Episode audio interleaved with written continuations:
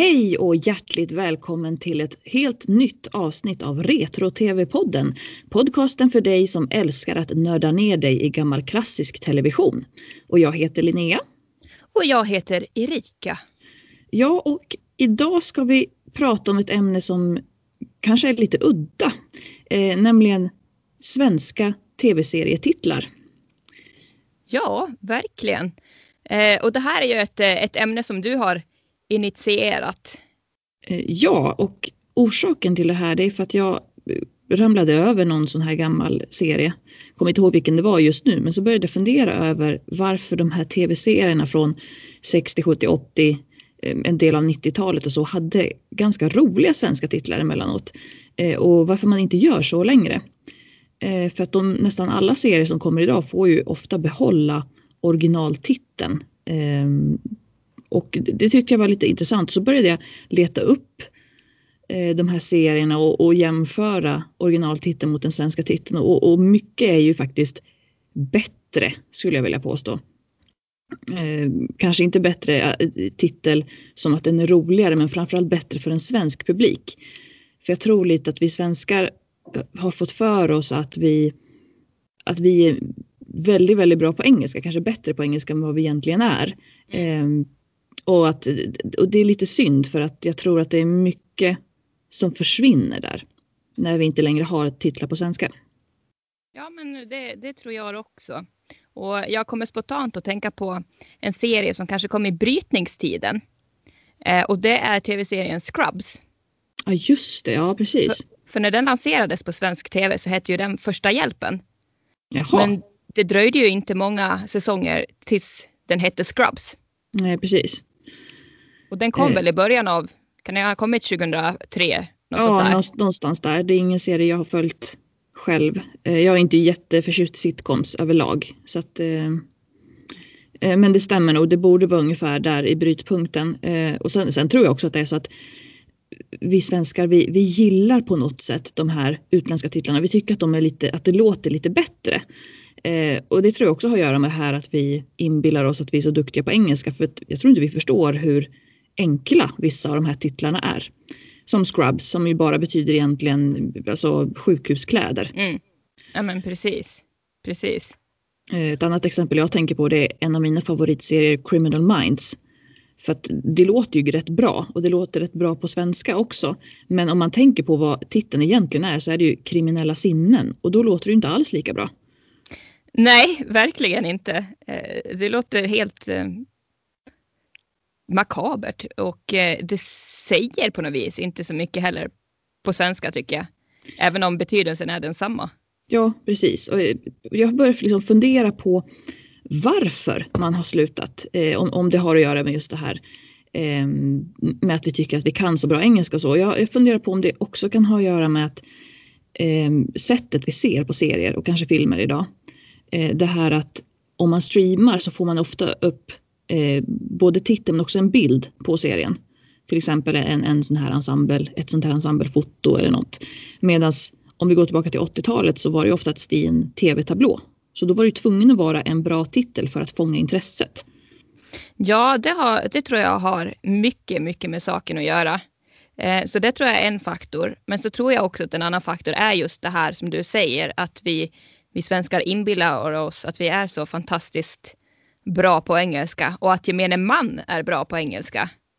Eh, jag läste en intressant, eh, jag vet inte om det var en ledare i, i eh, någon av våra stora tidningar, där man skrev att svenskarna tror att de är väldigt bra på engelska, men tittar man till exempel på politiker i internationella sammanhang så vi svenskar, vi kanske pratar utan stark brytning, men vi har ett ganska dåligt ordförråd i jämförelse med många andra Eh, politiker från andra länder. Vilket för, gör att vi kanske låter som att vi är väldigt bra. Men i, i, sanningens namn så, så ja, vi är inte så bra.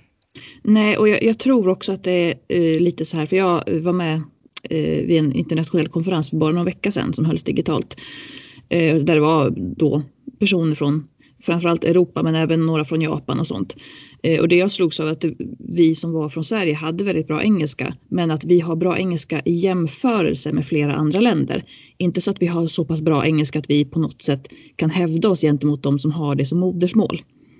Nej, det där är ju lite eh, lite knepigt. För jag vet att när vi gick på gymnasiet så kom det en undersökning som visade att svenskarna har bättre kunskaper i engelska än vad de engelsktalande på Malta har, har jag för mig. Jaha. Att vi eh, hamnade högre upp i den rankingen. Eh, men eh, det beror ju mycket på som sagt vilka länder man, man jämför med. Jag som har läst, eh, jag läste ju vid Oxford Brooks University med en ja. massa utbytesstudenter. Och där kunde man ju se att vissa studenter som kom från vissa länder var ju jätteduktiga. Till exempel studenterna från Nederländerna. Mm. De är briljanta. Medan då studenterna som var från södra Europa, Italien och Spanien, där var det, det, var det inte hävligt. Nej, precis. och det här är ju, det som jag tycker är intressant också det är att man även behållit, nu för tiden när vi pratar titlar så behåller man ofta titlar även på kanske tyska och spanska och sånt. Det finns ju en, en serie som heter eh, La Casa de Papel som går på Netflix och den har inte vad jag vet fått någon svensk titel heller. Så jag, jag, tror att det är någonting med det här att man tycker att det låter väldigt, väldigt bra med originalspråk. Ja, det kan nog kanske ge en viss eh, tjusning av den, den stora världen på något vis. Ja, eh, för det är intressant för de få liksom, eh, film och tv-titlar som ändå får en svensk titel. Det är ofta de som har getts ut som bok innan som redan har en etablerad titel. Ehm, men, men inte alltid, för jag tänkte, kom att tänka på Game of Thrones. Tv-serien, ja. den fanns ju som bok. Den heter väl Kampen om järntronen eller något sånt. Och det är lite märkligt att man inte har tagit den titeln då.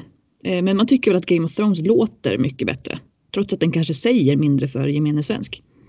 Game of Thrones låter ju lite coolare än ja. Kampen om järntronen. Ja. Det låter Game of Thrones låter som någonting eh, nytt på något vis inom den här genren. Medan Kampen om järntronen känns som en bok, en fantasybok som skulle kunna ha skrivits på 40-talet. Ja, det blir väl lite Tolkien-känsla kanske. Exakt. Över det. Ehm, jag har kommit på ett exempel på moderna serier som faktiskt har fått en svensk titel. Mm. Och det är Endeavour. Ja, Vet du vilken serie det är? Är inte det unge kommissarie Morse? Precis. Nej, jo. Exakt. Eh, och det tror jag har att göra med att man eh, i och med att det redan fanns en tidigare serie så ville man koppla ihop de som gillade den serien med den nya serien. Eh, ja, för jag tror inte ordet endeavor skulle säga så mycket för en svensk publik faktiskt. Nej, precis. Eh, men, men nog om det kanske. Vi kanske ska gå in på de här gamla fina svenska titlarna och diskutera lite. Ja, och du är ju så duktig och strukturerad i jämförelse med mig så du har ju gjort ett helt dokument här som vi kan förhålla oss till. Ja, jag, jag, jag, tänkte att jag var ju tvungen att eh, så att jag kommer ihåg alla som, alla som jag vill prata om eh, och då har jag eh, arrangerat in de här i lite olika grupperingar. Eh, för det ska ju sägas att eh, dels har vi de här serierna som egentligen är direkta eller direktöversättningar som eh, Dynasty blev dynastin till exempel. Eh, Dallas så, blev Dallas. ja, vad konstigt. Tänk om de hade så här Dallas på engelska så hade vi döpt den till eh, ja vad ska jag säga eh, Los Angeles. Ja, ja men precis. eh, eller, eller bara så att den heter Dallas och vi hade översatt den till så här olje bla bla bla och, och, och makt eller något sånt. Ja men precis, oljekällor och makt. Mm.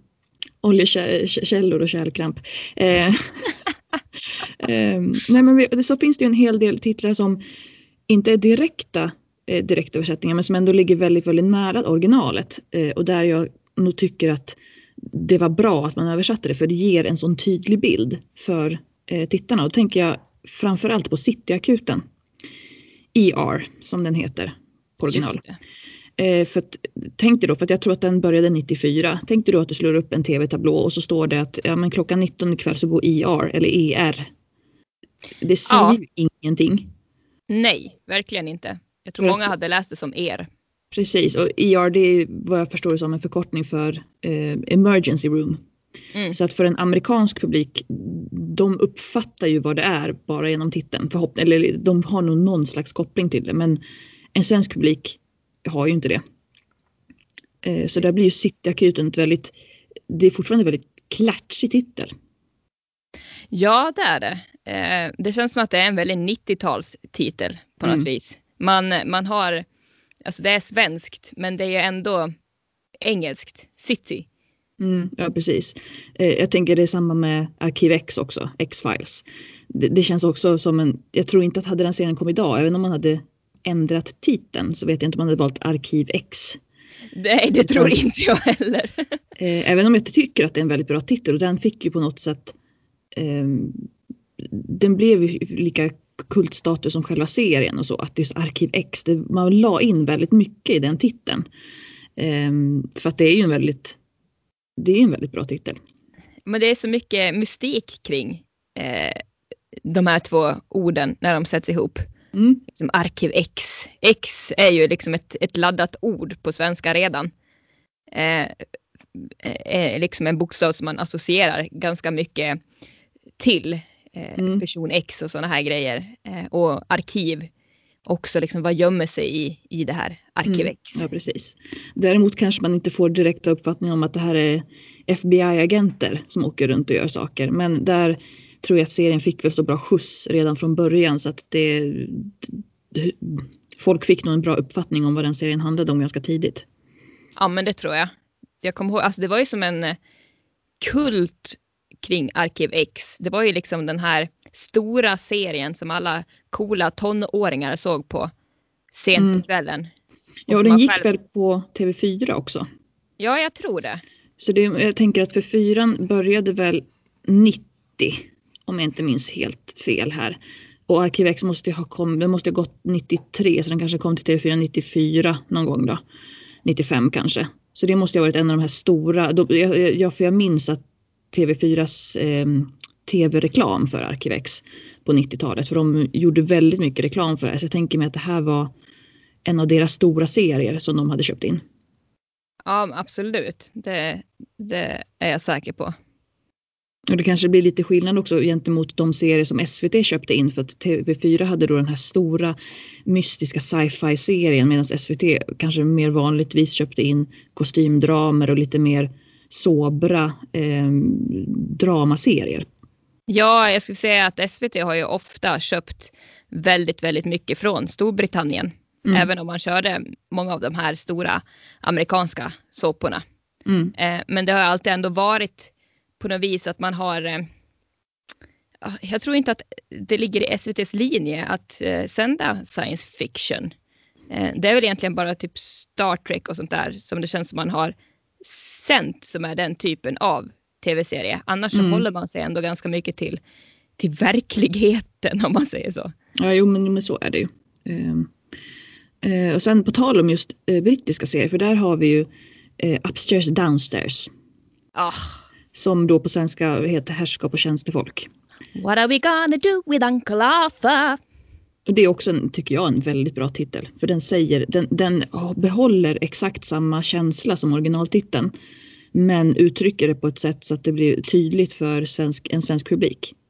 Exakt, för jag menar en britt, refererar man till downstairs där, då förstår man automatiskt att det handlar om eh, tjänstefolket och tjänstefolkets eh, utrymmen.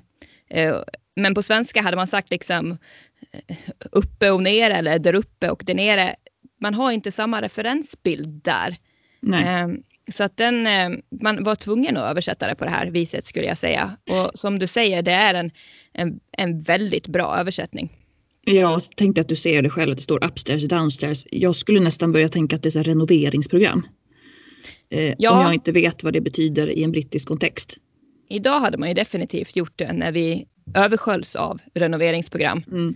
Och eh, när den här sändes på 70-talet så tror jag inte att det hade sagt den svenska publiken någonting. För då var vi heller inte lika bevandrade i det engelska språket. Och idag är vi kanske lite mer bevandrade men vi har inte den här begreppsvärlden för att det är väldigt länge sedan som upstairs and downstairs var liksom ett ett vedertaget begrepp även i, i England med tanke på hur samhället har förändrats där. Mm, precis. Eh, en annan sån just eh, där någonting fungerar i en inhemsk kontext men inte i en svensk. Det är Hill Street Blues. eh, Mm. som fick heta Spanarna på Hill Street. För där är det framgår det blues, man pratar ju ofta om polisuniformen, att den är blå. Det är därför man förstår att det är blues. Ehm, och sen kanske man också har gjort en liten ordlek här, blues, att det kanske livet inte är så, så uppåt hela tiden utan att det kan vara ganska nedstämt. Eh, så jag kan tänka mig att det finns en, en, eh, en dubbel betydelse för originaltiteln. Eh, men det måste man ju också översätta till svenska och då har det blivit Spanarna på Hill Street. Jag gillar den titeln. Ja, den är, för den är ganska lång men den, den på något sätt, det rymmer så mycket i den ändå. Sen förlorar man ju kanske lite den här, eh, eh, som du säger, alltså blues, eh, den här tungsinta känslan i Spanarna på Hill Street. Det framkommer ju inte alls där, Nej. utan det låter ju lite mer hoho, är Spanarna på Hill Street. Ja, det är lite glättigare på svenska. Ja, precis. Eh, Men jag vet inte liksom hur man annars skulle ha översatt den. Man kan ju inte direkt säga vardagsmelankoli på Hill Street. nej, det skulle vara, nej, precis. Det är, det är väl därför att det, den ligger bra i munnen den här titeln. Mm. Eh, sen är det synd att man inte får med allt som innefattas i den. Ja men precis, hade jag eh, utan att veta vad Spanarna på Hill Street handlar om läst Spanarna på Hill Street så hade ju jag tänkt att det här är ju något riktigt liksom häftigt eh, 80-tals eh, action eh, drama liksom. Man tänker att det är lite mer polerat än vad det är. Exakt. Eh, för det man ska säga, det, det betonar det att Hill Street Blues som heter, den var ju revolutionerande när den kom.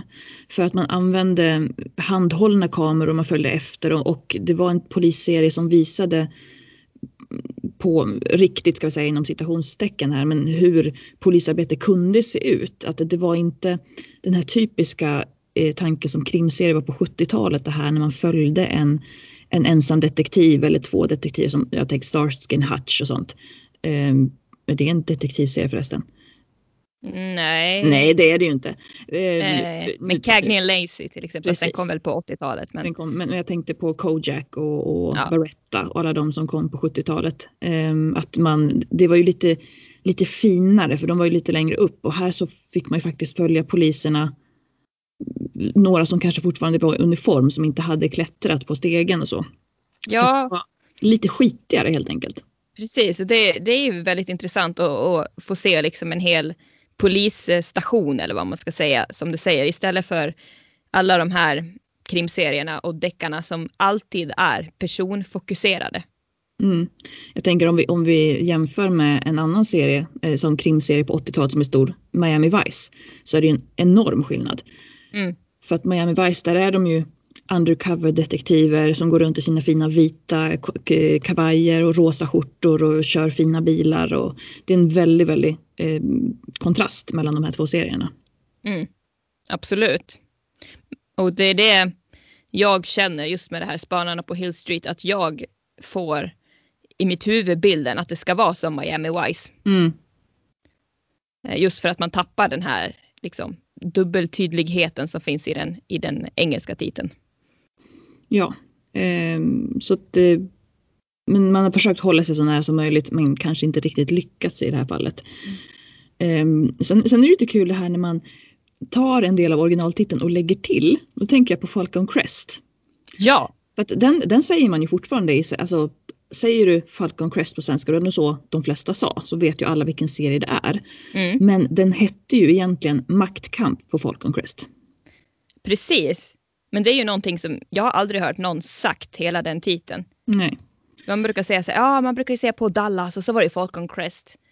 Eh, jag har fått för mig att Falcon Crest var väldigt populär i Sverige. Mm. Eh, de var ju mycket populärare än till exempel eh, Dynastin. Ja, precis. Ja, och jag tror att det har att göra med att man la till det här för att man tyckte att Dallas säger väl ändå någonting om vart det är, för alla vet att Dallas är en stat i USA. Eller Mm. att så. Men Falcon Crest, man kanske inte riktigt får uppfattningen att det är det här godset bara utifrån titeln. Så då la man till maktkamp på Falcon Crest för att det skulle bli tydligt. Eh, tänkte man sig, gissar jag. Och sen så insåg man att efterhand när serien gick så blev det ju Falcon Crest, alltså originaltiteln som var det folk kom ihåg. Ja, precis. Så var det nog. Har du sett någonting av Falcon Crest? Nej, jag har ju inte det. Jag, något sånt klipp ibland som man ser eh, på Youtube och så, men jag har inte följt Falcon Crest så jag har väldigt dålig koll på, eh, på handlingen där. Ja, jag har inte heller eh, följt den faktiskt. Eh, det enda man vet är väl att vad heter hon, Jane Wyman spelade mm. Den här eh, matriarken. Ja, Angela Channing heter hon väl va? Ja, eh, karaktären ja. Ja, precis. Ja, precis. Ja, eh, och sen så har man ju sett introt otaliga gånger men mer ja. än så har inte jag heller sett. Eh, men det känns som en serie som man ska ha sett så att den står på min lista. Ja, det är väl den Dallas-dynastin som är de här riktigt stora 80-talssåporna eh, som satte spår lite i populärkulturen. Exakt, exakt. Eh, en annan serie som jag eh, tycker är bra översatt det är The West Wing. Mm, Vita Den, huset. Precis, för att det är också The West Wing. Förstår, de flesta amerikaner, i alla fall amerikaner som är någorlunda intresserade av politik vet ju om att The West Wing det är, det är presidentens kontor. Det är där presidenten håller till. Eh, men det vet man ju inte i Sverige. Men alltså, jag vet inte om jag har missuppfattat det här, men The West Wing, är inte det hela administrationsavdelningen? Och ja, The West Wing ligger väl egentligen inte i Vita huset, utan det ligger på en annan plats. Det är mycket möjligt, men att, att The West Wing, det är där det händer. Där all, all, politik, ja precis, det är där allt sker i alla fall. Um, men alltså rent tekniskt borde ju The West Wing vara The West Wing av Vita huset. Men ja, jag, har för mig att jag har läst att The West Wing i själva verket ligger i en annan byggnad. Ja, det kan vara så att det har, att det har utgått från alltså den västra flygeln från början och sen har det blivit så pass stort i modern tid att det har flyttat ut. För att jag vet att man kallar ju the first lady, alltså presidentfruns, hennes eh, administration och det kallas ju för the east wing. Mm. Så att det, jag tror att det har nog, även om det kanske inte är så idag, så har det vid något tillfälle hållit till i Vita huset. Ja, så kan det. Eh, så är det säkert. Annars med, skulle det inte heta The West Wing. Nej, med, med eh, vad heter det? Eh, med behåll för att jag inte har 100% stenkoll. Men det, det, det, känns rimligt att det är därifrån eh, det, det utgår så att säga.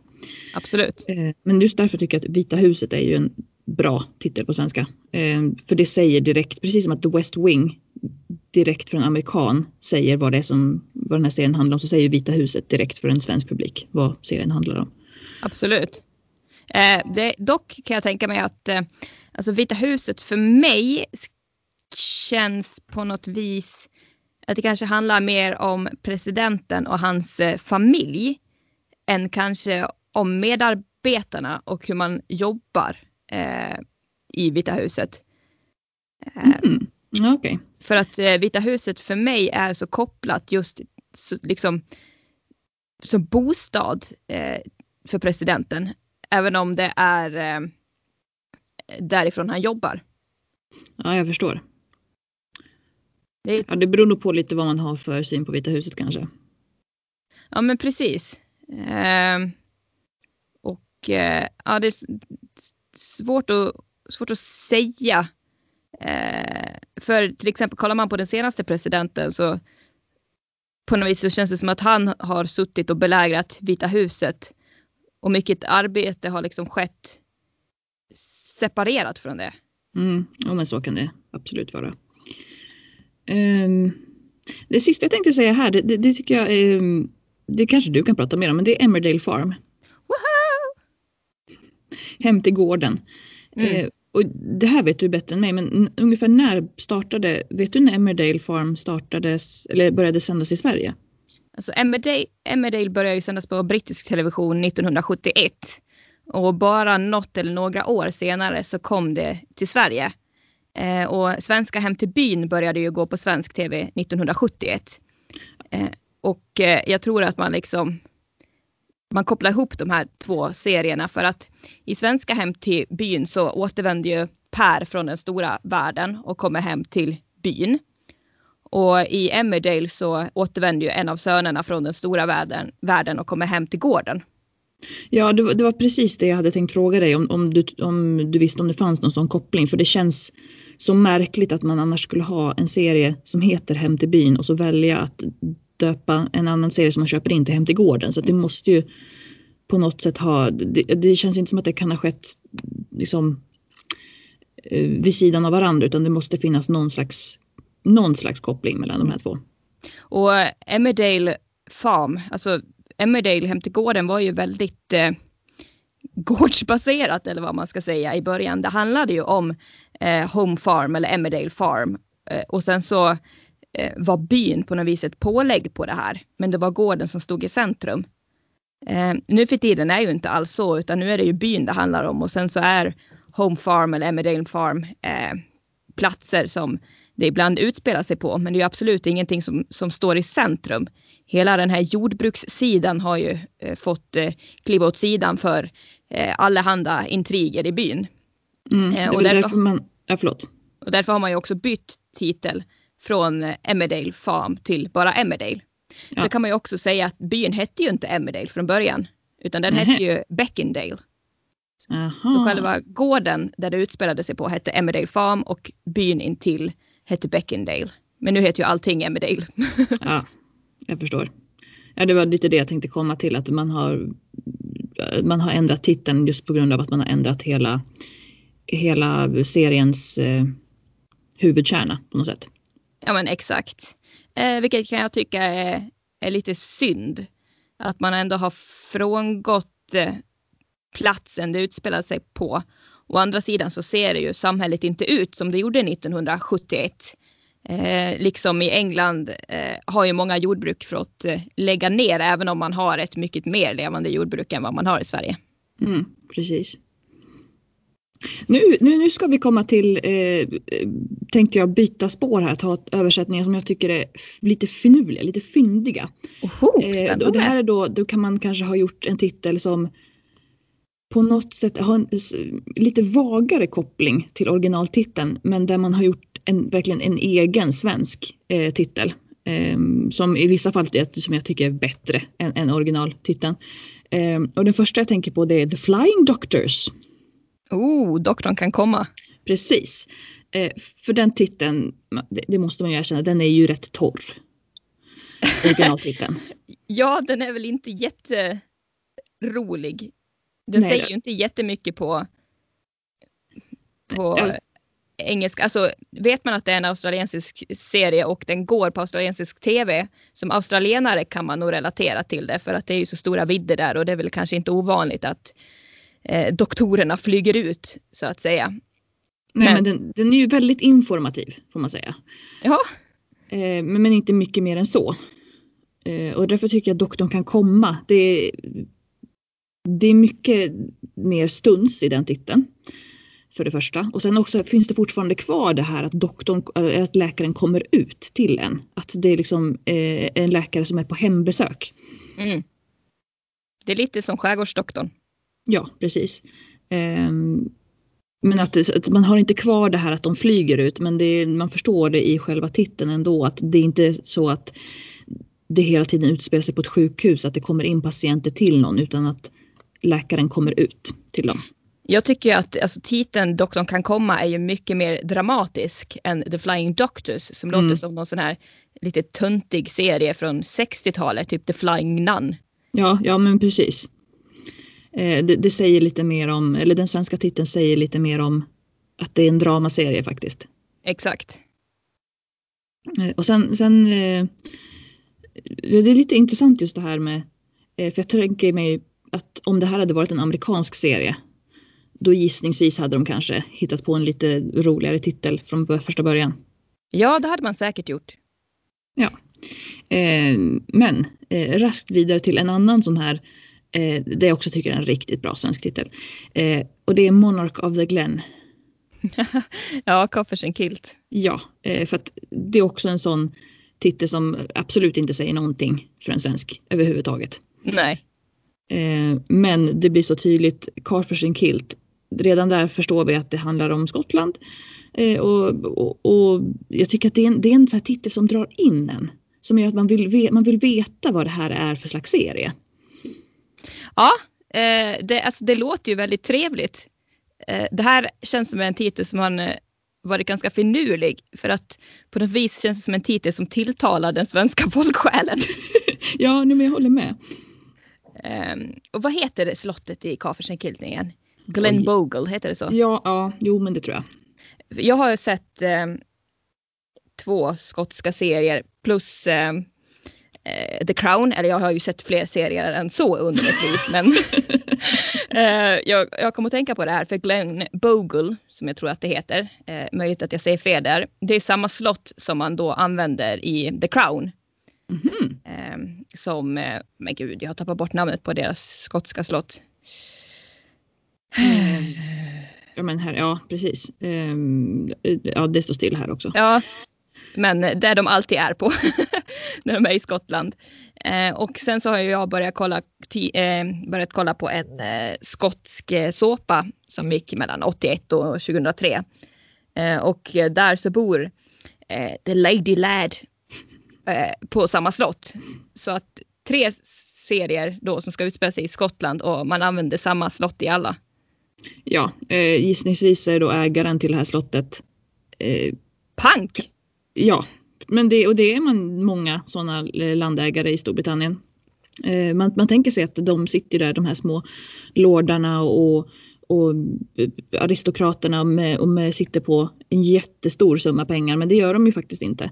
Eh, under en lång tid, jag vet inte hur det ligger till nu, men förut var det ju väldigt vanligt att eh, man blev av med allt dels när man ärvde sina gods, när, när eh, den äldre låren så att säga knoppade av.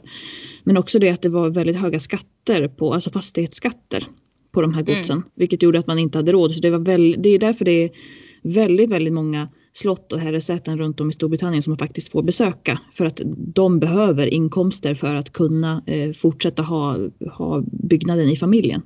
Ja men precis, det kostar ju hur mycket som helst att hålla igång de här stora egendomarna.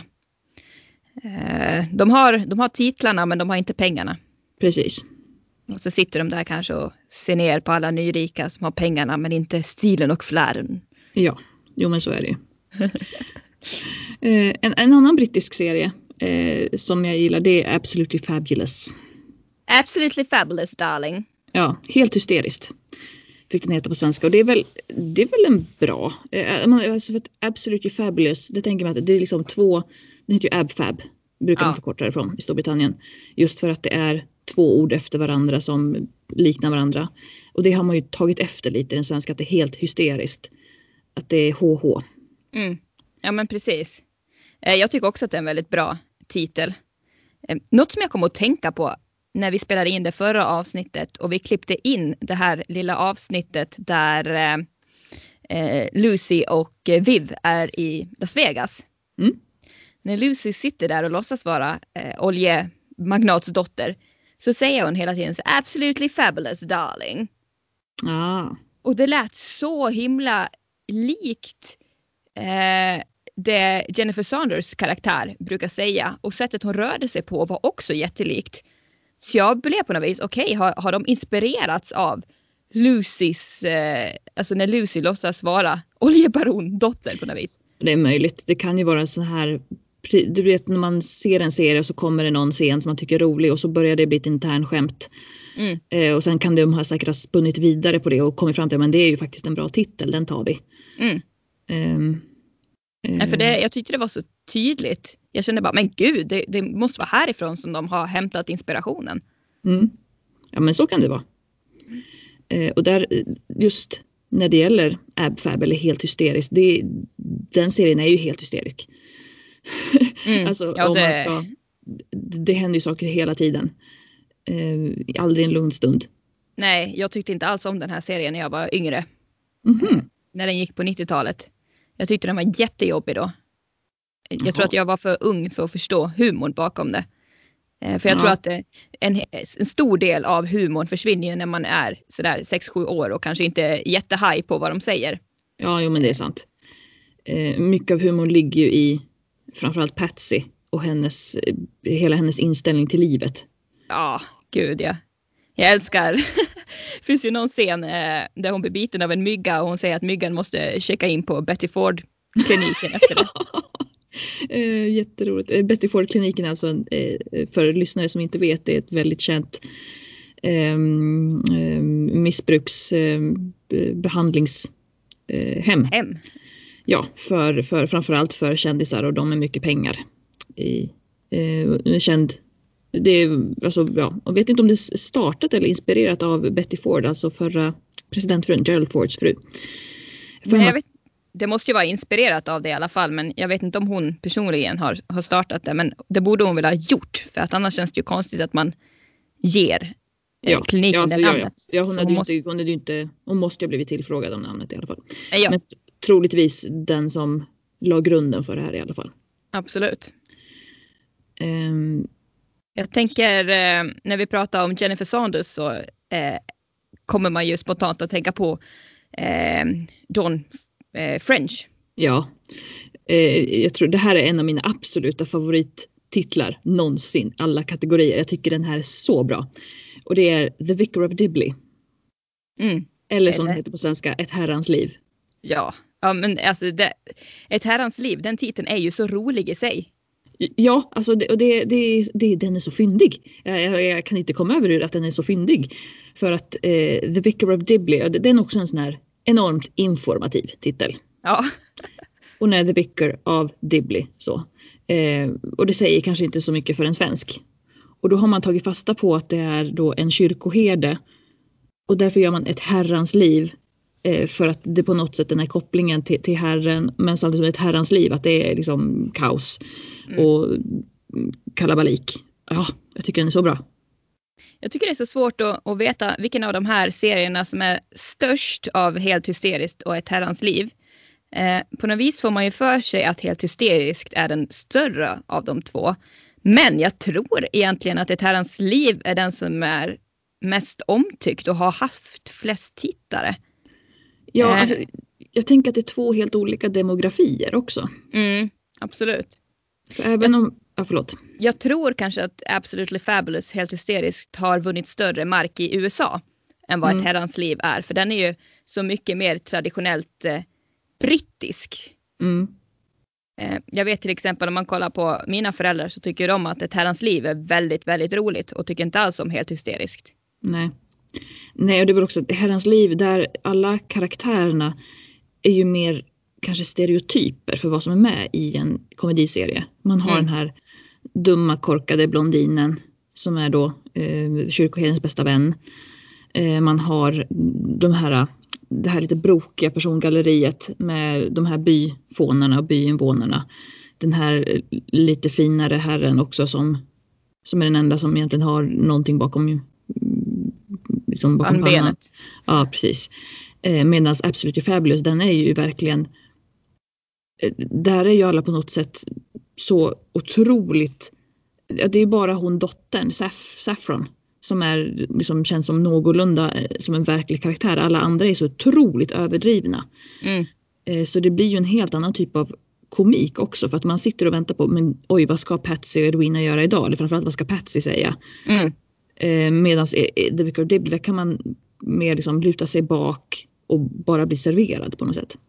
Ja, och ett, hans liv känns också som att det är en... Eh, det skulle lika gärna kunna utspela sig på 40-talet som på 50, 60, 70, 80, 90-talet. Mm. Eh, det är på något vis en, en liten by i England där allt är som det alltid har varit och en rad tokiga och roliga situationer dyker upp.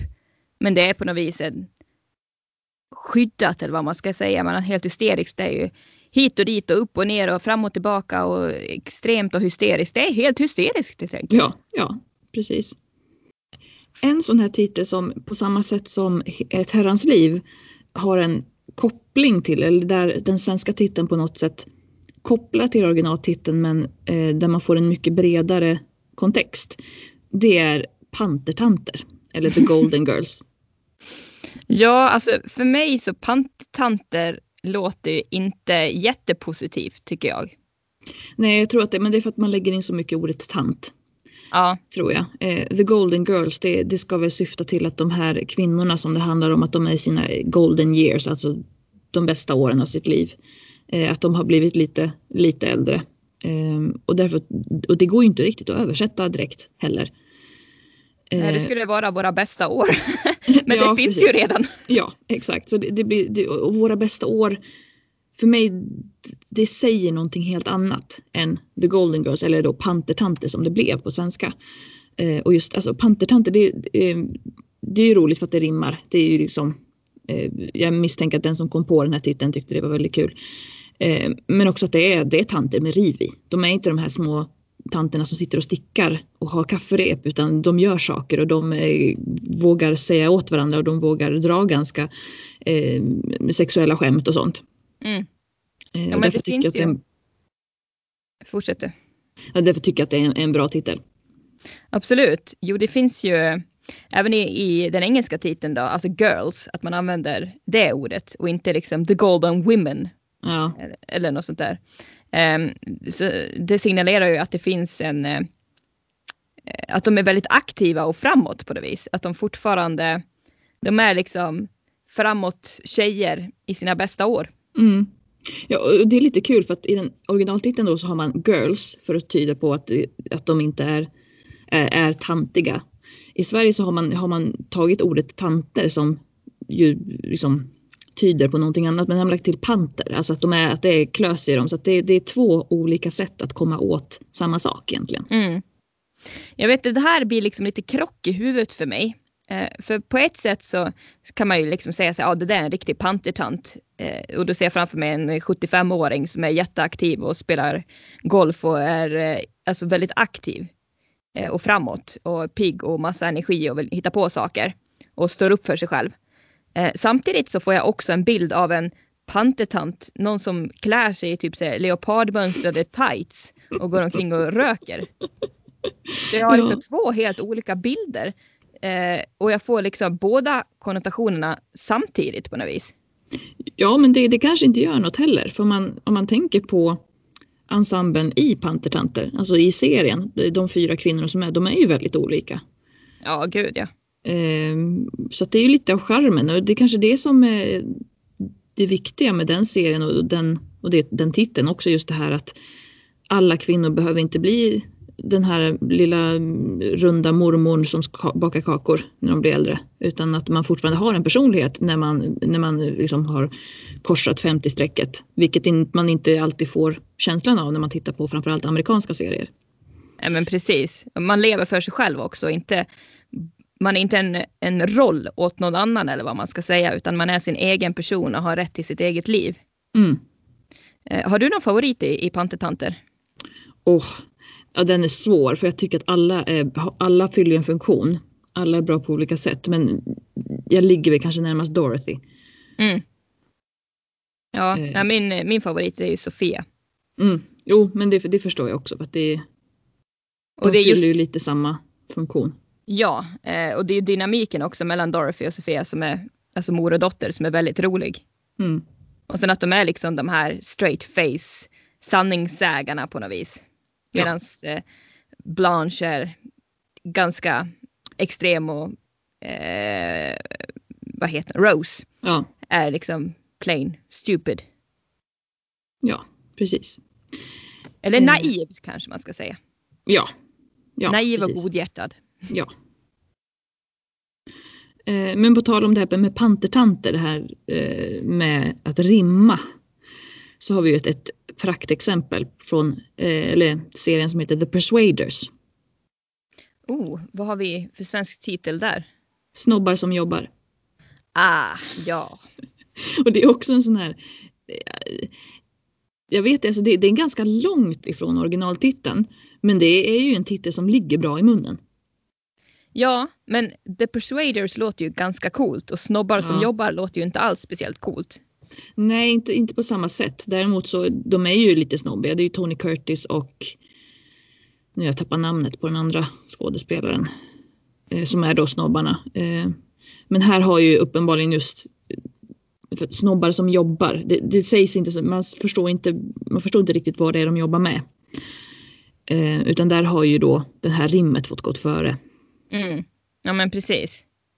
Eh, det känns som att oh, det här måste vi. Det här måste vi testa för att det är så kul.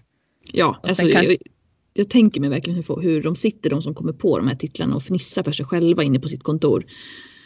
Jag, jag ser ett litet mörkt rum framför mig med några enstaka lampor, att cigarettröken hänger i luften och två personer hänger över skrivbordet i, i, i skjortor som är lite uppknäppta i halsen och sen så mm. snobbar som jobbar. Det Aha, måste det, bli. Ja, det är en bra titel, det är en bra titel. Ja. ja um... Det är märkligt hur hjärnan sätter igång och målar upp bilder. Ja, eller hur. Um... En, en titel som jag eh, tycker är ganska intressant. Eh, det är ju den svenska titeln av Happy Days. Ja just det, Gänget och jag. Ja men precis. Eh, för att Gänget och jag blir så väldigt på något vis upphängt på en person tycker jag. Ja det är sant. Och jag gissar att jaget är eh, han den rödhåriga huvudpersonen som också var med i The Waltons. Jag har glömt bort vad den personen heter. Eh, ja, karaktären kommer jag inte ihåg alls men det är väl eh, Ron Howard va? Ja. Som är skådespelaren. Jag minns inte heller karaktärens eh, namn. Men han är jaget och resten är gänget. Mm. Och han lämnade ju väl i säsong 7 eller något sånt, 6-7. Eh, och var inte längre med i serien. Och då blir ju titeln Gänget och jag ganska konstigt. Ja och framförallt det här med Happy Days. Eh, den, I och med att det var en 70-talsserie som ska utspelas på 50-talet. Och det är, då är ju 50-talet som är the happy days, alltså det fanns ingen, eh, inga bekymmer. Eh, och, och, det, och det, det, finns ju inte alls med i den svenska titeln. Nej, sannerligen inte. Eh, det finns ju ingenting som hintar i titeln om att det kanske utspelar sig under en annan tid eller under en viss period som var mindre problemfylld. Nej, det är väl om man ska tänka eh, som jag fick kopplingen nu, att gänget och jag. Jag tänker mig att man på något sätt vill eh, koppla ihop det med den här, vad heter de, The, the Rascals, alltså de, du vet med alfalfa de, de här, mm. den här 30, det var ju en 30-tals serie film, va? Film, ja, film ja. Men en, en, grupp med filmer. Eh, att det på något sätt så att man ska få en sån koppling att det är liksom lite längre bak i tiden men det är ju lite långsökt. Ja, verkligen. Eh, det tror jag inte en svensk publik hade gjort den kopplingen. Nej. Utan jag tänkte, men gänget och jag, det låter, ja, det låter bra. Vi köper den. Mm. Man, man kanske ändå får någon slags bild av att det är lite yngre eh, personer. Ja, och sen tänker jag också att det, det kan ju vara så att eh, det kanske är då den här huvudkaraktären som tänker tillbaka på sin ungdom och ja, det var gänget och jag. Mm, ja, men precis. Men Happy Days är ju jag skulle ändå säga att det är en, en, en bättre titel. Och eh, den tillåter ju mer. Den, är, den blir ju inte så fokuserad på, på en person och, och sätter inte en person i, i centrum lika mycket. Nej, och den är ju starkt ihopkopplad med eh, ledmotivet för serien också. Monday, Tuesday. Happy days. Thursday. Ja, jag ska inte sjunga med för jag har ingen medhörning så jag hör inte jag hör inte min egen röst eh, och eh, du har ju lite bättre kontroll på din röst som utbildad eh, sångerska mot vad jag har som inte är utbildad ah, ja. sångerska. Vi kan klippa in det introt istället. Ja, vi får göra det. Här får ni, får ni lyssna på Happy Days. Sunday, Monday, happy days. Tuesday, Wednesday, happy days. Thursday, Friday, happy days. The weekend comes, my cycle hums. Ready to race to you. These days are Happy days. Oh, gud vad glad man blir av att höra det där. Mm, ja, det, det, det är ju. Det här är ju kanske en, en ett fall där själva introt sätter an mer, mer känslor och mer tankar än vad titeln gör. Absolut. Jag brukar faktiskt gå och lyssna på den här. Eh, ja, alltså brukar ha dem i, i lurarna när jag städar och sånt där. För jag mm. tycker att det är en så trevlig melodi. Ja men det är det. Eh, på tal om melodier. Det här är också ett av mina favoritexempel. Det fanns en, en, eh, ett barnprogram som jag vet att vi såg på, på NO eller något sånt där för att den, den handlar om kroppen. Livet livet. Nej. Precis, ja men det är exakt den. Eh, den heter, för det är en fransk tecknad serie från början. Den heter nu, nu med reservation för mitt franska uttal här för jag har inte pluggat franska men Il était une fois la vie. Oj, jag tyckte det lät som en född fransyska där faktiskt. Eh, ja, det, det, det är väl kanske för att du inte heller har pluggat franska. Kan bero på det. Jag, jag fuskar bara. Eh, det kan vara helt, helt fel uttal. Men det är alltså översatt så blir det Det var en gång livet. Och det här är för att det här är en uppföljningsserie till en serie som fanns innan som hette Det var en gång rymden. Som utspelar sig ute i rymden. Eh, Ah. och i den här serien så varje avsnitt har ju med en viss antingen kroppsdel eller kroppsfunktion att göra och så får man följa de röda blodcellerna när de springer runt in i kroppen. Just det. Eh, men på svenska, och det här, det, här, det, här, alltså det här är så fyndigt. På svenska heter den En sällsam historia. Just det. Alltså cell som i C-E-L-L bindestreck sam. Ja det är så bra. Ja, här, Eh, här har man lekt med, med orden och betydelserna. Ja, eh, och, och kopplingen till, till andra svenska verk också. För att eh, det här måste ju vara någon som har tagit det från Agnes Cecilia, Just det. Just det. en sällsam historia. Och, och så har man lekt med orden och insett att sällsam med S-E-L-L uttalas likadant som cell som in i kroppen. Och det här är en serie som handlar om kroppen. Och då kopplar vi ihop dem. De här ehm, två, alltså filmen Agnes Cecilia och eh, den här serien måste väl ha kommit ungefär samtidigt. Ja, jag gissar att de kom till Sverige för jag tror att serien är äldre. Jag tror att den är från slutet på 80-talet någon gång. Eh, för filmen är väl från 92. Ja, något sånt. Eh, men serien eh, sändes i alla fall i Frankrike på 80-talet för de hade Sandra Kim som sjöng ledmotivet. Eh, hon eh, eh, yngsta Eurovision Song Contest vinnaren någonsin. Hon var 13 år när hon vann 86 eller något sånt. Och då hon, så att det, det var precis liksom när hon var stor efter att hon hade vunnit. Ah, Så att serien kom slutet på 80-talet någon gång. Eh, men så det kan mycket möjligt att den kom till Sverige först i början på 90-talet. mm. Ja, och då tänker jag, då var det ju, då pumpade man ju ut Agnes Cecilia, sällsam historia, väldigt mycket. Mm. Och det fanns i personer, eller människors medvetande. Ja. Ja, så antingen det eller så mm, att den som ändå skulle översätta hade en förkärlek till Maria Gripe. Så kan det också Mm, vara. Absolut. Men det, det, är en, åh, det är en så fyndig titel. Absolut. Så ni såg den här i skolan alltså? Ja, ehm, jag tror att vi såg den, för det är något avsnitt som handlar om hur barn blev till. Så jag tror att vi såg den på lågstadiet. Det var, lite, det var väl ett sånt här enkelt sätt för läraren att få in någon slags sexualkunskap i skolan utan att det blev pinsamt typ. Jag hade tyckt att det vore jättepinsamt. Fast jag kanske hade mer tyckt att det var pinsamt när jag var äldre än när jag var så liten. Ja, och framförallt i och med att de är, eh, serien riktas ju mot barn så att det blir inte eh, men samma sak, man får ju se de röda blodcellerna, de är ju liksom som små figurer som går runt. Mm. Och jag, vad jag minns av, av det avsnittet som handlar om just eh, hur barn blir till, det är också väldigt ganska lekfullt. Så att det Ah, okej. blir ju inte eh, så verklighetstroget. Nej, precis. Eh, utan det Nej, var jag- kanske ganska bra nivå om man var 7-8 någonting. Ja. Jag vet att den här serien gick ju, har för mig på lördagmorgnar också. Ja, det kan stämma. Så då brukade jag se den. Eh, Men det hörde inte till mina, mina favoriter. Jag har för mig att det fanns någon annan också i, i serien som handlade om historia. Eller Ja, något sånt. jo men det gör det. Och den tyckte jag om. Men jag tyckte inte om den här eh, kropps... eh, Alltså en sällsam historia grejen. Det tyckte jag var tråkigt. Men så fort det var lite historisk action, det tyckte jag var kul. Ja. Men det är lite vad man är inriktad på. Absolut.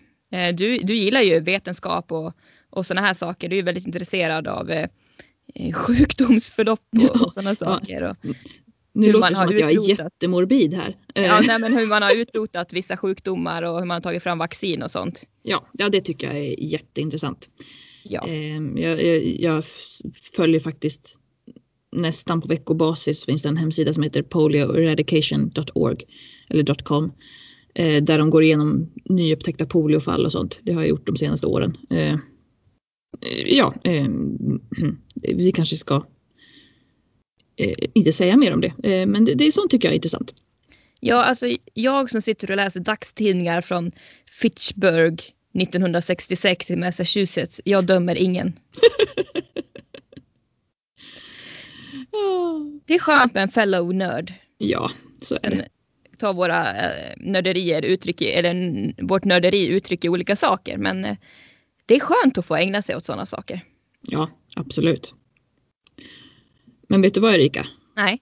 Nu har vi kommit fram till min topp ett bästa svenska titel genom tv-historien.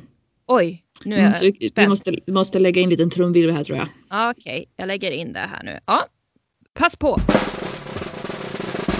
Murder She Wrote. Mord och inga visor. Ja, och det här, det här är en bra titel. Det här är så bra. Eh, Murder She Wrote, det är ju den här serien om eh, med Angela Lansbury. Där hon spelar Jessica Fletcher. Som är då eh, krimförfattare som bor i en liten, liten by som heter Cabot Cove. Där uppe i New England någonstans ligger den väl. Det är en fiktiv by, alltså det är inte, den existerar inte på riktigt. Eh, och det här ska vi väl säga, det är väl en ganska genomskinlig amerikaniserad version av Miss Marple. Ja, ja men det är det ju absolut. Eh, fast då Jessica Fletcher har ett, ett riktigt yrke. Medan Miss Marple bara en liten, ja, men en liten tant. Som råkar lösa brott. Eh, och det är att Jessica Fletcher skriver ju eh, kriminalromaner om mord och sen så råkar hon hela tiden stöta på massa mord. Som hon då löser såklart. Ja men Mm. alltså hade, hade jag, det är ofta att Jessica Fletcher att hon besöker bekanta och sådana här saker och så inträffar ett mord. Alltså med tanke på hur många mord som hon har varit med om så skulle jag aldrig bjuda in henne till mitt hem. Men det är samma sak, man skulle ju aldrig flytta till Midsummer. Nej men exakt. Det är som jag eh, här nu under julen kollade på en brittisk, eh, jag ska inte säga att det är en kriminalserie, det är en väldigt lättsam kriminalserie i så fall, men den heter Rosemary and Thyme eh, och handlar om två eh, trädgårdsmästare. Eh, två eh, kvinnliga trädgårdsmästare i ja, de sena 50-årsåldern som åker omkring och fixar trädgårdar hos folk. Och varenda trädgård de fixar till så hittar de ett lik. Och jag börjar också säga hmm, nej de här damerna skulle jag nog aldrig heller bjuda hem för att fixa min trädgård. För Nej, att nej. det dröjer tre sekunder så har de krattat fram en hand eller något sånt. Ja, det, blir, det blir ju lite problem när man har en så specifik inriktning på sin, eh, på sin krimserie. Eh, Mm, då måste man hitta mord i just det området. precis. Eh, men då, just på tal om mord och inga visor och varför det är en så otroligt bra titel. Det är ju det här originaltiteln Murder She Wrote. Den har ju lite kopplingar till såna här äldre hårdkokta böcker 40-talet, så Murder My Sweet och lite dem. Så, så där finns det ju en koppling i titeln. Men på svenska alltså mord och inga visor. Och det är också en, en ordlek just här för att uttrycket heter ju ord, ord och inga visor Ja, då blir det ord och inga visor. Eh, och så har man lagt till det här M som heter blir mord för det är ju en serie som handlar om ett, ett stort antal mord. Men Jessica Fletcher är ju författare och därför är det så smart att ta det här uttrycket ord och inga visor. Alltså hon, hennes äh, yrke består av bara en massa ord och hur man sätter ihop ord. Men hon ramlar över väldigt många mord och så skriver hon om mord så att ah, det, det, är, så, det är så bra. den, den är briljant faktiskt. ja, jag, den är jag, Den är mycket bättre på svenska. Eller ja, det är ju samma innehåll egentligen på svenska och på, på engelska. Men jag menar hela den här komiken försvinner ju ur den engelska titeln. Alltså det är inte alls lika fyndigt på något vis. Även om man gör referenser till, till äldre eh, saker. Så, så Mord och inga visor är ju så. Alltså det, det innehåller så mycket i tre ord. Mord Ja. och inga, fyra kanske. Ja men det, det, det är så bra. Och just det här, då blir det ord och inga visor, alltså att man är lite strikt, att man är lite Mm. så. Vilket Jessica Fletcher är när hon väl konfronterar mördarna också. Så att det är så många lager i den här titeln. Och ja, jag hoppas att den som, personen som kom på den svenska titeln fick en lönebonus för den är verkligen så här, mwah! Så Mm. bra titel. Verkligen. Nu kommer jag att tänka på att en hel del serier som har fyra ord i, i titeln när man översätter den på svenska. Kaffers Kilt, Mord och inga visor, I vår herres hage, De vilda djurens flykt. Maktkamp på Falcon Crest, Mm. Spanarna på Hill Street. Ja. det är väl bara en, en eh, det, det ligger väl ingenting bakom det men ja, men det ligger ju bra i, i både när man läser och när man säger det. mm. Ja men precis. Ja, ska vi, eh, jag har ju några, några sådana titlar också. För det här var mest mina fyndiga titlar, de jag tycker är liksom eh, lite kanon så. Men sen har jag gjort en, en lista med titlar som också som säger mer på svenska. Eh, där det är kanske tydligare att de säger mer på svenska. Där har vi tagit Cityakuten till exempel. Eh, och det det är ju ett fall där det säger mer för en svensk publik. Den originaltiteln i år säger ju mycket för, för en originalpublik. Mm. Men ett sånt exempel som jag tycker är en, också en mycket bättre titel på svenska. Det är Heartbeat. Ah, ja. Eh, och, och det är då om jag inte har fel tillbaka till Aidensfield. Ja, precis. Och tillbaka till Aidensfield, jag har inte sett den här tv-serien, eh, men det brukar väl gå på, ja men kring lunch på TV4 va? Ja, jag har gjort det innan. Jag är osäker på om den fortfarande sänds. Den brukar byta med någon gång där mellan 12 och 2 eller något sånt. Mm. Och den handlar väl om, eh, nu är jag inte jätteinkörd på den här eh, tv-serien, eh, men eh, det handlar väl om, utspelar sig i en by på, är det 40-50-talet? Nej, 60-talet. 60? Ja. Okej. Eh, Det, i och för sig, de, de tidiga avsnitten kan ju vara 40 eller 50-talet någon gång men det jag har sett som är då några säsonger fram det är 60-talet. Ehm, Men här också just Heartbeat, det är en sån otroligt generisk titel. Ja, den, den säger mig absolut ingenting. Nej, jag skulle, alltså, skulle jag läsa Heartbeat skulle jag tänka, jaha men det är, någon, det är en läkarserie, det är en sjukhusserie. Mm. Eh, möjligtvis en, en, ja nej men det är nog ungefär så jag skulle tänka. Eh, och det är därför jag tycker tillbaka till Aidensfield säger mycket mer för där får vi platsen, Aidensfield och av det så man, man känner ju på något sätt att det är en, en by på brittiska landsbygden. Eh, tycker jag. Och sen också att det är tillbaka till Aidensfield. Där finns ju den här hinten om att det här utspelar sig i ett, i ett förgånget, eh, förgånget, i en förgången tid. Eh, att det inte utspelar sig i, i, i, i, i, i nutiden. Mm. Ja men precis tillbaka till den lilla byn i en annan tid. Ja, Så att eh, ja, men jag håller med om att den, den svenska titeln innehåller mycket mer och säger mycket mer om vad, vad serien faktiskt handlar om mm. än Heartbeat.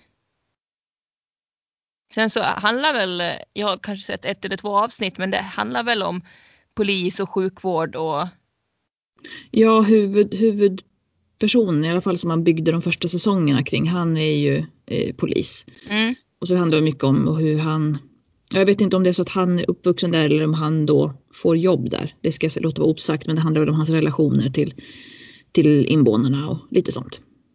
Ja, alltså den svenska titeln, då får man ju känslan av att den här personen kanske har varit borta och utbildat sig och kanske jobbat i, i storstaden ett tag i någonstans i Greater Manchester kanske. Mm. Och sen har jag kommit tillbaka till sin uppväxtby, lilla Aidensfield och, och, och börjat arbeta där som, som polis. Och det brotten inte alls är av, av samma slag. Istället för mord utanför en pub så är det någon som har stulit ett får. Ja, ja men lite så. Eh, De har ju en, i alla fall ett tag så hade de en, en karaktär som en äldre man som hade så skumraskaffärer för sig. Du vet, försökte göra ett kap och smuggla lite. Så att det var väl, brotten var väl mer på den nivån kanske. Alltså en typisk invånare i en brittisk by. Ja, Tänker på The Dingles i Hem till byn till exempel. ja men precis. Hem till byn? Nej, Va? du sa The Dingles i Hem till byn. Eh, nej, nej, nej, det finns inga Dingles i Hem till byn. De finns i Emmerdale. Utanför Ja. Emmerdale bor familjen Dingles. Jag tänkte det. Jag bara, va, när Fan. fanns det ett par Dingles i, i, i Hem till byn? Fick inte Ja. alls ihop det med Lisa och Evert och alla de andra. Det finns ju en liten, eh, en liten eh, småkriminell film, men han heter Conny. Ja. Klinga tror jag. och inte Zack Dingle. Nej. Det hade Eh, varit jättekul. Bara, ja, här bor Evert och Lisa Persson och sen har vi familjen Dahl här. Och här bor Zack Dingle. Det blir en lite annan typ av serie då. Ja, verkligen. Sen har jag en, en vi ska väl kanske börja avrunda men jag tänkte ta några av mina favoriter här också. Det som jag tycker är bättre på svenska. Eh, och det är framförallt Space 1999. Det vill säga Jaha. må, Månbas Alpha. Eh, det var en science fiction serie som gick på 70-talet. Jag har sett något enstaka avsnitt. Eh, vad jag förstått det som av alla som har sett den så för, är första säsongen jättebra. Andra säsongen är katastrof. Eh, men den har ett kanonbra intro. Jag tycker vi klipper in lite av det introt för det är så, det är så otroligt bra.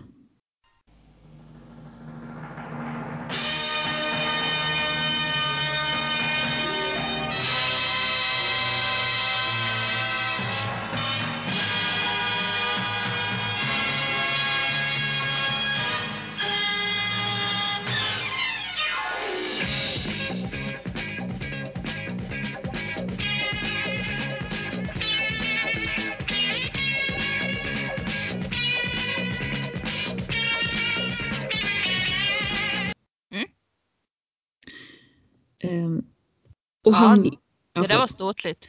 Ja, det, det, oh, det säger mycket. Det, det är också ett sånt här intro som säger mer än själva titeln. Mm. Eh, men den här serien handlar ju då om att eh, i rymden år 1999, den här serien kom på 70-talet någon gång, så finns det en bas på månen eh, och så sker det i första avsnittet så sker det massa explosioner av någon anledning, vilket är tillräckligt för att trycka månen ur sin omloppsbana kring jorden. Så månen flyger iväg i rymden av sig själv. Och så handlar det om alla de här stackars människorna som är kvar på basen som inte kan ta sig därifrån. Oj då. Ja, eh, och just att Space 1999 är en dålig titel, men Månbas Alpha, det beskriver ju hela, hela scenariot, eller så här, vad, eh, vad serien handlar om, tycker jag. Ja, den är mycket, mycket, mycket bättre skulle jag säga. Mm. Space 1999, alltså det har väl sagts sedan nazisternas dagar att de har en liten bas där på månens baksida. Och eftersom att jag köper allting som jag läser så tror jag att det är sant. Ja. Nej, jag tror inte att det är sant.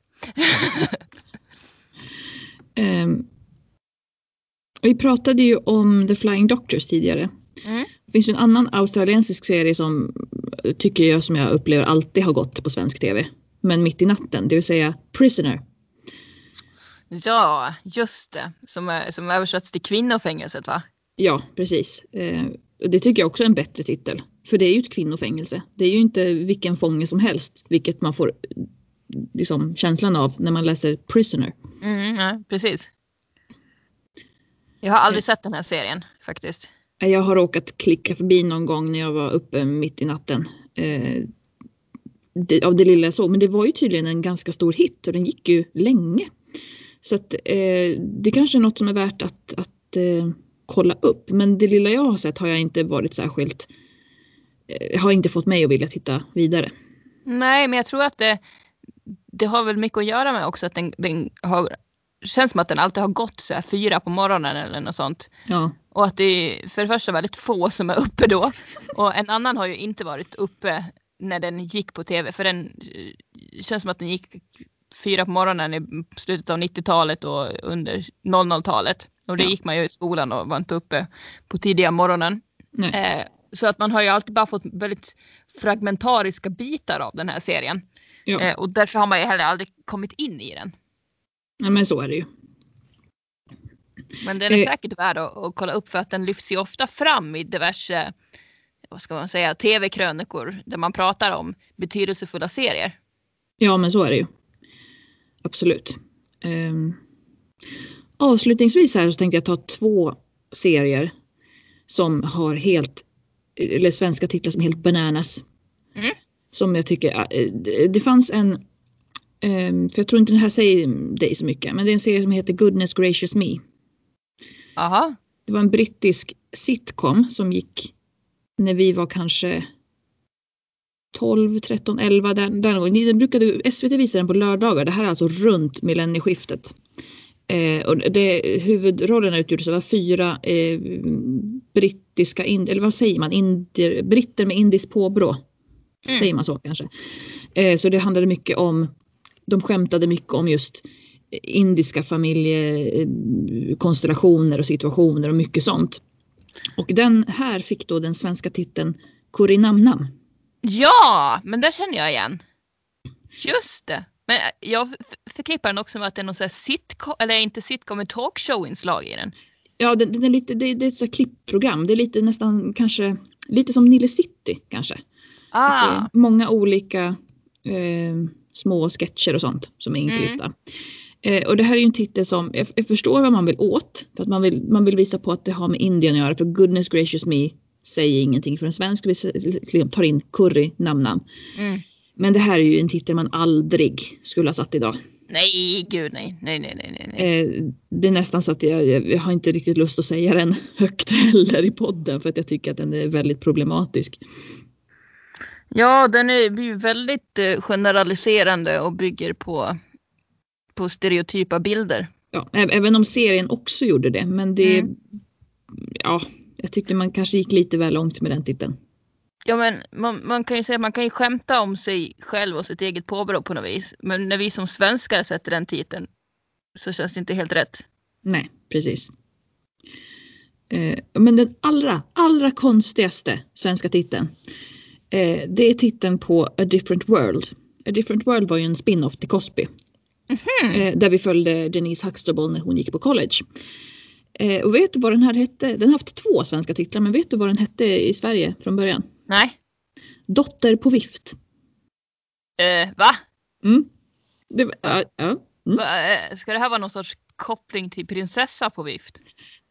Kanske, eh, men man får ju ingen, alltså man förstår ju inte att det har med Cosbys att göra. Nej. Och man, jag förstår inte att det har med när hon går på college att göra för för mig låter det som att det är någon som har rymt hemifrån som försöker överleva ute i bushen liksom. Ja exakt. Och sen, och sen tydligen så bytte de titel för att eh, hon Lisa Bonet som spelade rollen hon var med någon en eller två säsonger sen hoppade hon av. Och sen fortsatte serien liksom runt ja, men de andra karaktärerna som de hade byggt upp. Mm. Eh, och då, fick, då bytte de titel i Sverige så då hette den Skolkompisar. Men gud. Och det också. Skolkompisar, då ser jag framför mig att det är typ ett gäng nioåringar. Som, ja men eller hur. Ja. Eh, men jag, tänker, jag tänker så här, vad hette prinsessa på vift på engelska? Eh, är inte det Roman Holiday? Just det. Nej, då det finns det ju ingen koppling där heller. Nej, det är väl den, du, för du menar den eh, med Audrey Hepburn? Audrey Hepburn. Ja. ja, exakt. Ja, Roman Holiday. Eh, men alltså dotter på vift. Oh, jag skulle aldrig se en serie som heter Dotter på vift. Men det är en jätteful titel på svenska. Alltså den, den, den lyfter ju inte om man säger så. Dotter Nej, på vift. Det var någon som hade en oinspirerad dag på jobbet. Vad hette den eh, eh, serien? Fanns det inte en, en, film som hette Baby på vift eller något sånt? Eh, just det. Ja, men mm, jo men det med den här lilla överklassungen som blev kidnappad av ett gäng skurkar ja, och sen så, så rymde och tog sig fram på diverse sätt genom storstaden. Ja just det. Eh, är inte en av skurkarna Tom Selleck? Jo. Vill jag minnas. Ja. Jo jag tror det. Eh, ja, sån, för den kan ju ha kommit ut ungefär runt samma tid men det är också en jättekonstig koppling för hon har inte blivit kidnappad där, hon går ju på college. Ja men precis. Ja, jätteskumt. Eh, man verkar ha tyckt om att använda på vift i, i, Sven, i Sverige när man översatt ja. titlar tydligen. Ja, Dotter men... på vift, baby på vift, prinsessa på vift. Jättekonstigt. Ja, ja det är märkligt. Um, ja, och sen det finns ju, det finns ju jättemycket fler exempel än de vi har tagit upp här, men jag tror att vi kanske, vi kanske får spara det till någon annan gång. Mm, absolut. Eh, och ja, det här har varit väldigt intressant att, att tala om. Det här är ju någonting som jag själv aldrig skulle kommit på. Eh, du är ju mer, eh, du har ju mer sådana här finurliga idéer. Jag är mest så här nednördad i specifika serier. Ja men det blir en bra mix då tänker jag. Ja men precis. Det blir ju det. Ja, nej, men det har varit som sagt väldigt intressant att, att snacka om och det blir skönt att runda av nu för jag har ju en liten tillfällig eh, inspelningsstudio här. Så jag sitter på ett hårt stengolv på, eh, på knä med en tungt täcke från 40-talet över mig som väger ett kilo. Så det känns som att min nacke ska gå av nu. Ja men då kanske det är bäst att vi avslutar. Ja jag tror nästan det innan jag, innan jag svimmar här. ja och eh, om ni som har lyssnat eh, tyckte om det här får ni gärna gå in på våran Facebook eller våran Instagram och likea och skriva kommentarer. Eh, och gärna om ni har förslag på vad ni vill höra oss prata om. Eh, och sen, eh, sen så på återhörande helt enkelt. Absolut. Ha det så bra. Hej hej!